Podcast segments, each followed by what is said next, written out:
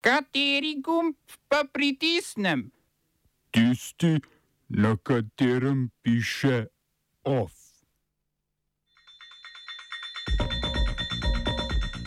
Odstop britanskega podpredsednika vlade Dominika Reba.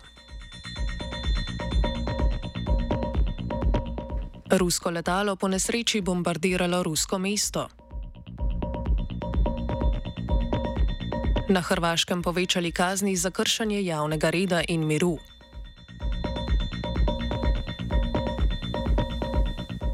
Arsenovič v mariborski proračun s podražitvami javnih storitev uspelo spraviti skozi mestni svet.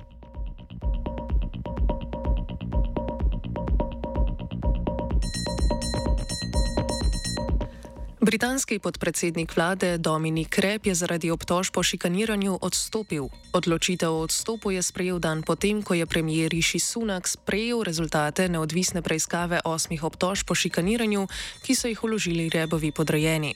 Rep je svojo odstopno izjavo objavil na družbenem omrežju Twitter, na katerem je premijeja Sunaka opozoril, da obtožbe o šikaniranju po njegovem ustvarjajo nevaren precedens, ki bo spodbujal več nadaljnih obtožb zoper druge ministre britanske vlade vlade.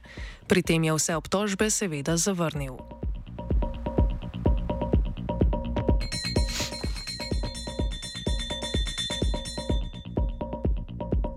Hrvaški sabor je sprejel novelo zakona o kršanju javnega reda in miru.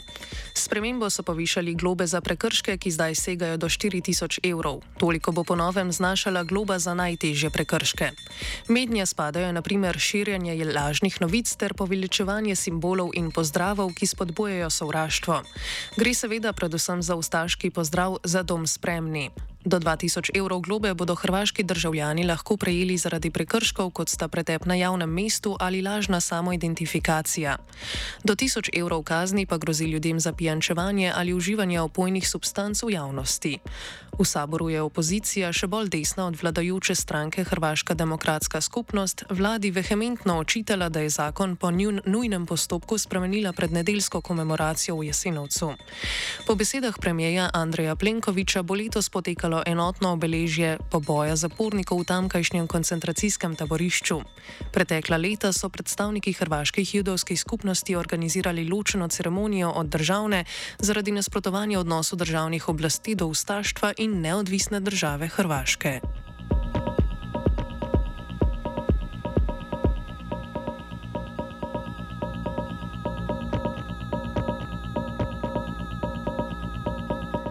Rusko lovsko letalo Suhoj 24 je po nesreči izstrelilo municijo proti ruskemu mestu Belgorod, ki leži v bližini meje z Ukrajino. Zaradi posledične eksplozije so bili ranjeni trije civilisti in poškodovani štirje osebni avtomobili ter štirje stanovanski bloki. Regionalni guverner Belgoroda Vjačeslav Gladkov je napovedal izredne razmere in dejal, da je sredi ene glavnih cest v mestu nastal 20-metrski krater.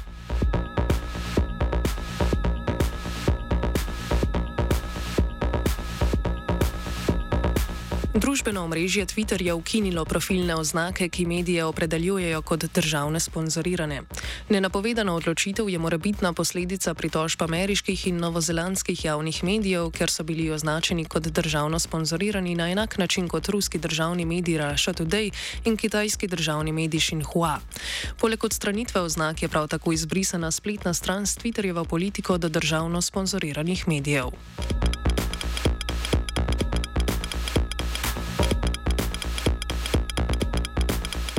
Sudanske paravojaške sile za hitro posredovanje, krajše RSF, so privolile v 72-urno premirje s sudansko vojsko med zaključkom ramazanskega Bajrama.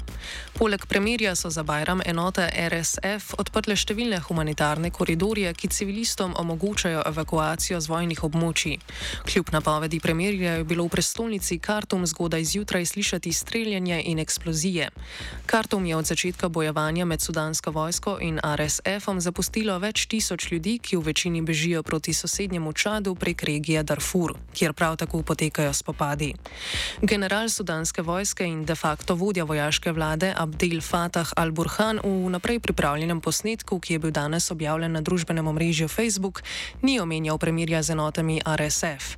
Pentagon je medtem napovedal, da bo ameriška vojska poslala večje število vojakov v Džibuti za pomoč pri evakuaciji civilistov iz Sudana.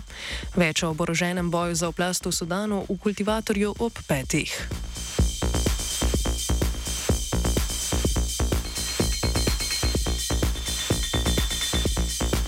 Vodja kabineta malijskega predsednika Umar Traore in trije drugi člani vladne delegacije so v napadu iz zasede umrli.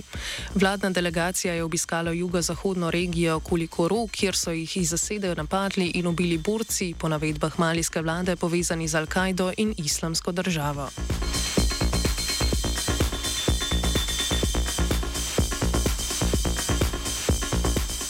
Uganski predsednik Joveri Museveni je zavrnil podpis zakona, ki bi kriminaliziral istospolne odnose. Museveni trdi, da sicer ne nasprotuje kaznovanju istospolnosti, vendar zakon vrača nazaj v parlamentarno obravnavo, ker želi, da bi vključeval možnost rehabilitacije istospolnih oseb. Istospolnost je v Ugandi od časa angliške kolonialne oblasti kriminalizirana z zakonom, ki istospolnim osebam odreja dosmrtno zaporno kazen. Novi zakon poleg dosmrtne kazni za člane LGBT skupnosti predvideva tudi smrtno kazen za tako imenovano nasilno homoseksualnost oziroma aggravated homosexuality sexuality, ki pa jo zakon definira kot vsakršen primer spolnih odnosov z osebami z virusom HIV, mladoletnimi in drugimi ranljivimi skupinami. Zakon predvideva tudi do 20 let zaporne kazni za vse, ki spodbujejo zaščito pravic LGBT skupnosti. Proti zakonu sta od 389 poslancev v uganskem parlamentu glasovala dva poslanca.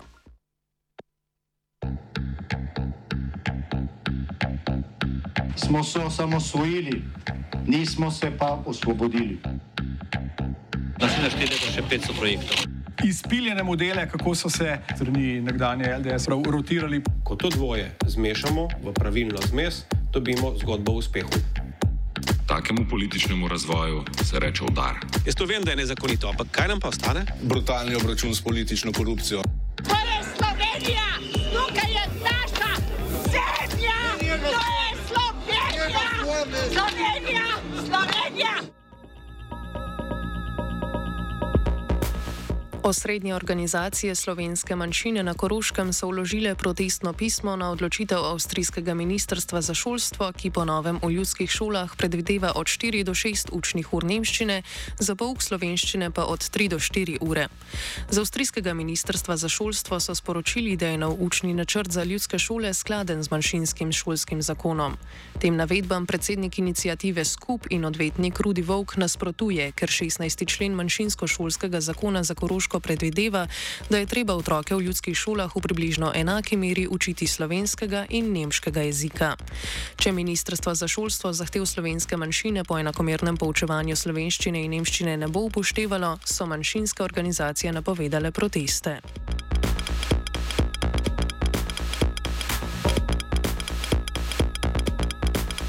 Mariborski mestni svet je po več preložitvah sprejel proračun za letošnje leto, ki znaša skoraj 121 milijonov evrov.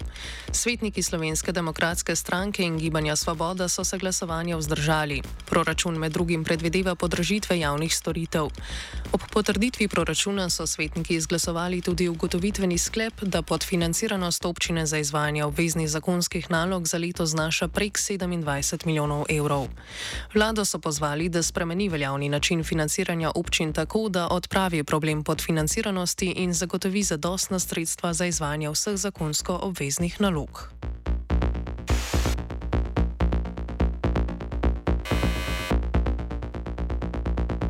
Ljubljanski mestni svetniki so podprli predlog o podražitvi takse za obravnavo pobud za spremembo podrobnejše namenske rabe v občinskem prostorskem načrtu. Poleg tega so sprejeli letni program športa.